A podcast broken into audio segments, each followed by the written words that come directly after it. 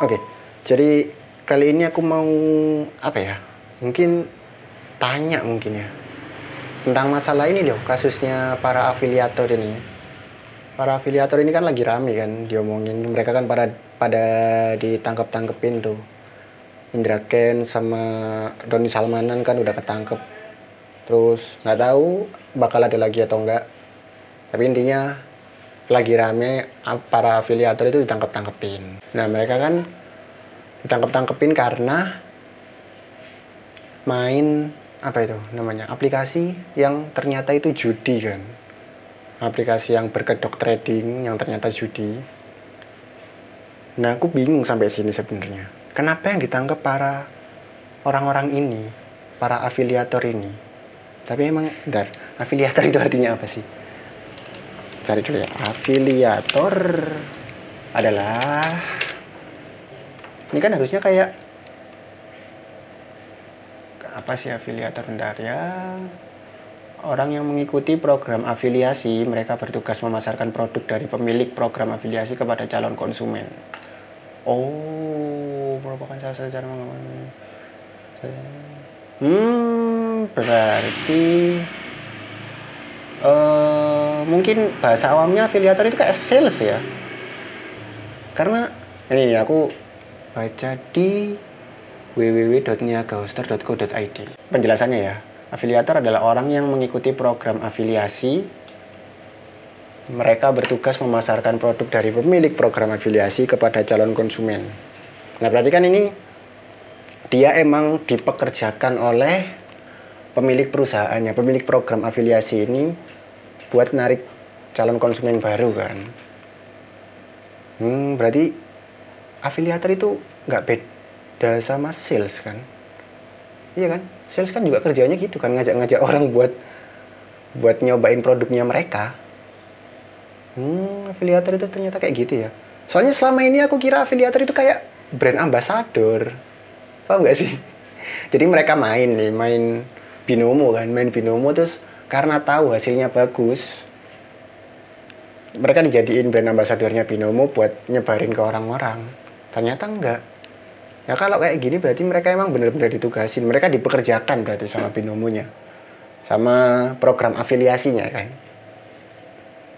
Nah sampai sini sebenarnya aku masih bingung kenapa yang ditangkepin para afiliatornya? Kenapa yang ditangkepin para salesnya? Kenapa enggak coba nyari uh, perusahaannya, bos perusahaannya.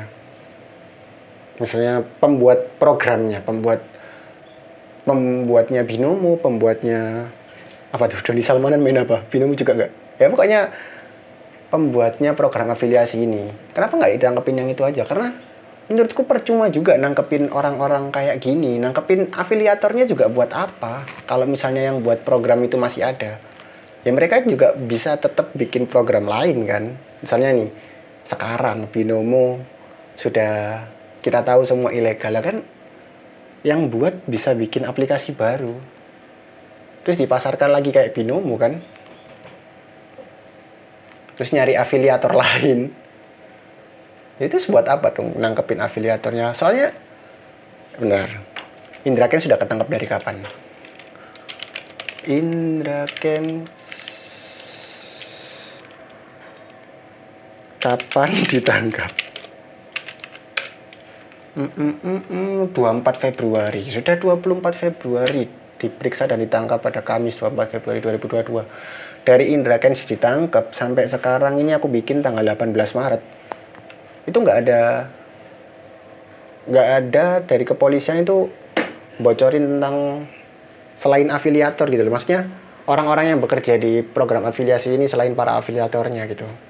Kalau misalnya nih si Indra Ken sama Doni Salmanan ketangkep kan nggak tahu ya se setia apa mereka sama program afiliasi ini sehingga mereka nggak mau bocorin ke polisi siapa yang bikin, siapa yang memperkerjakan mereka, siapa aja nama orang-orangnya, atau oh ini aku baru kepikiran nih, atau mungkin emang perusahaannya terlalu pinter, karena mereka tahu mungkin ya, kalau mereka bakal kayak gini, Oh iya bener.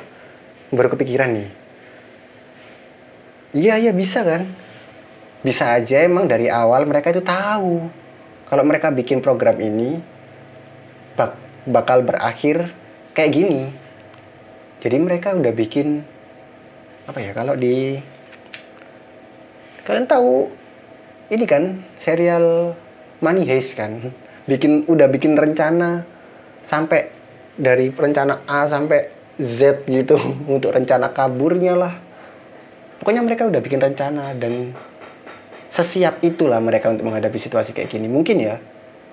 Karena siapa coba? Misalnya gini deh kita berdua nih. Misalnya aku afiliatornya kamu uh, orang yang kerja di program afiliasinya. Nah aku pasti tahu namamu dong. Karena kan kita pasti kenalan dong di awal nah kalau misalnya aku ketangkep ya aku pasti nyebutin namamu dong karena kan yang bikin aku kerja, yang bikin aku ketangkep kan kamu. Ya aku aku harus minta pertanggungjawabanmu dong harusnya. Atau orang-orang ini karena emang sudah bosan hidup jadi sultan mungkin ya. Jadi mereka pengen di penjara. Mungkin. Itu yang ketiga. Jadi kemungkinannya ada ada berapa? Ada tiga itu kan. Satu mereka terlalu setia karena sama program afiliasinya. Dua uh, program afiliasinya sudah punya rencana bakal kayak gini jadi mereka rapi ngerencanainnya sampai sekarang makanya nggak ketahuan dan yang ketiga ini itu adalah para afiliator ini sudah bosan berhidup hidupan mewah mereka pingin di penjara jadi akhirnya mereka masuk penjara dan bangga kan makanya kan banyak yang bilang tuh Indra Ken sama Doni Salmanan masuk ditangkap kok tetap santai-santai aja ya itu guys mereka bosen jadi sultan. Fix. Fix. Itulah alasan kenapa pembuat programnya masih bisa bebas dan belum ketangkep. Itu alasannya. Oke, terima kasih sudah dengerin. gak jelas ya. Ya gak apa-apa lah, saya juga cuma pengen cerita aja. Gak apa ya. Oke, terima kasih sudah mendengarkan. Sampai berjumpa di apa nih podcast selanjutnya, episode selanjutnya. Oke, bye.